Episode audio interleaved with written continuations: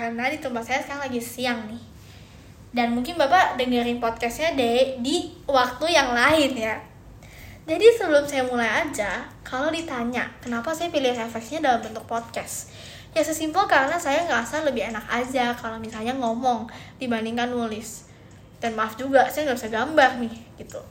Dan mungkin kan Bapak juga pernah jadi wali kelas saya gitu kan jadi mungkin tahulah kalau saya itu aktif dalam berbicara tapi tentu hal itu akan saya salurkan lewat podcast ini nah untuk tugas kali ini saya diminta untuk melakukan refleksi mengenai kemerdekaan Indonesia dan hubungannya dengan pandemi ini kalau menurut saya sendiri kemerdekaan Indonesia adalah akhir dari perjuangan Indonesia melawan penjajah dan awal dari kehidupan baru bagi Indonesia. Sejak saat itu, Indonesia mempunyai hak dan kuasa penuh atas Indonesia. Gak ada nih disuruh-suruh lagi. Diminta ngelakuin ini, ngelakuin itu. Diasingkan oleh para penjajah, dan hal lainnya deh. Nah, kemerdekaan Indonesia yang bisa kita bilang kemenangan dari para penjajah ya, itu tentunya tidak ada hanya saat 17 Agustus doang, tapi pada zaman saat sekarang, di mana Indonesia sebagai negara dan bangsa mampu menunjukkan kemampuannya terhadap dunia internasional dan mampu melewati segala rintangan yang dilewati.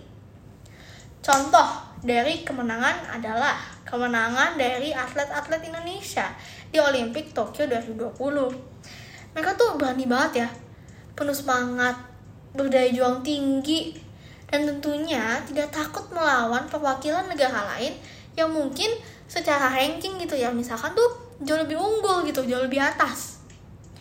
Mereka berhasil mengharumkan nama baik Indonesia di tingkat internasional. Kalau mengenai kebebasan adalah contohnya kebebasan untuk berpendapat.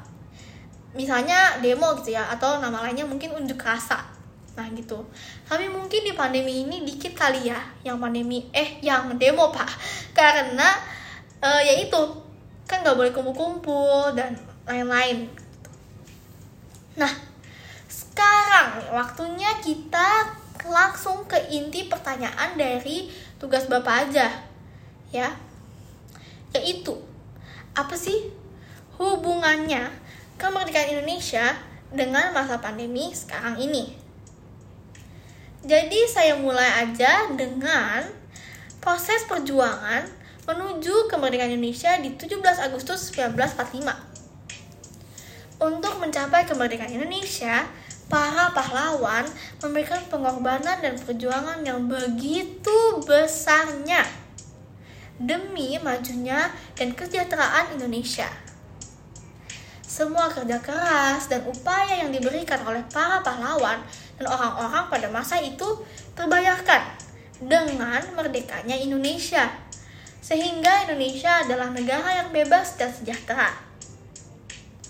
Kemerdekaan Indonesia sendiri adalah puncak dari kemenangan Indonesia melawan penjajah. Nah, di masa pandemi seperti ini nih, menurut saya puncak kemenangan Indonesia melawan COVID adalah. Nanti pada saat angka penularan COVID dan dan angka COVID sendiri ya akan berkurang dan menurun jauh. Serta kehidupan sudah berjalan normal lagi nih. Amin banget sih ya pak ini kejadian. Karena aduh pengen banget deh. Ini kejadian dan kita bebas aja gitu dari COVID ini. Nah untuk mencapai tanda kutip ya kemerdekaan dari COVID itu tentu saja perlu perjuangan dan pengorbanan eh dari siapa Ya dari kita. Bagaimana ya menjadi pahlawan di masa pandemi seperti ini?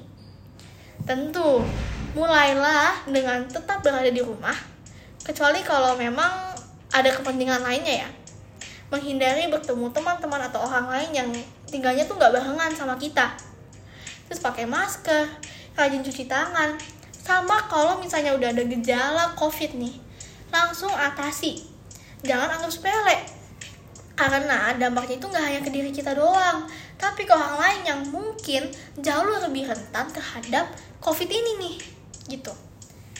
Ya tentu dong, ada pengorbanan yang begitu besar dari hal-hal yang saya sudah sebutkan tadi. Contohnya ya nggak bisa jadi ketemu teman, sekolahnya juga online, bosan di rumah, nggak bisa jalan-jalan, nggak ada acara tahunan. Terus ya, mestinya, kalau setahu saya sih ya Pak ya, kita tuh sekarang mestinya lagi nyanyi-nyanyi gentah sanuh di acara DBL. Ya tapi nggak bisa sekarang ya, dan pokoknya banyaklah kegiatan lain gitu.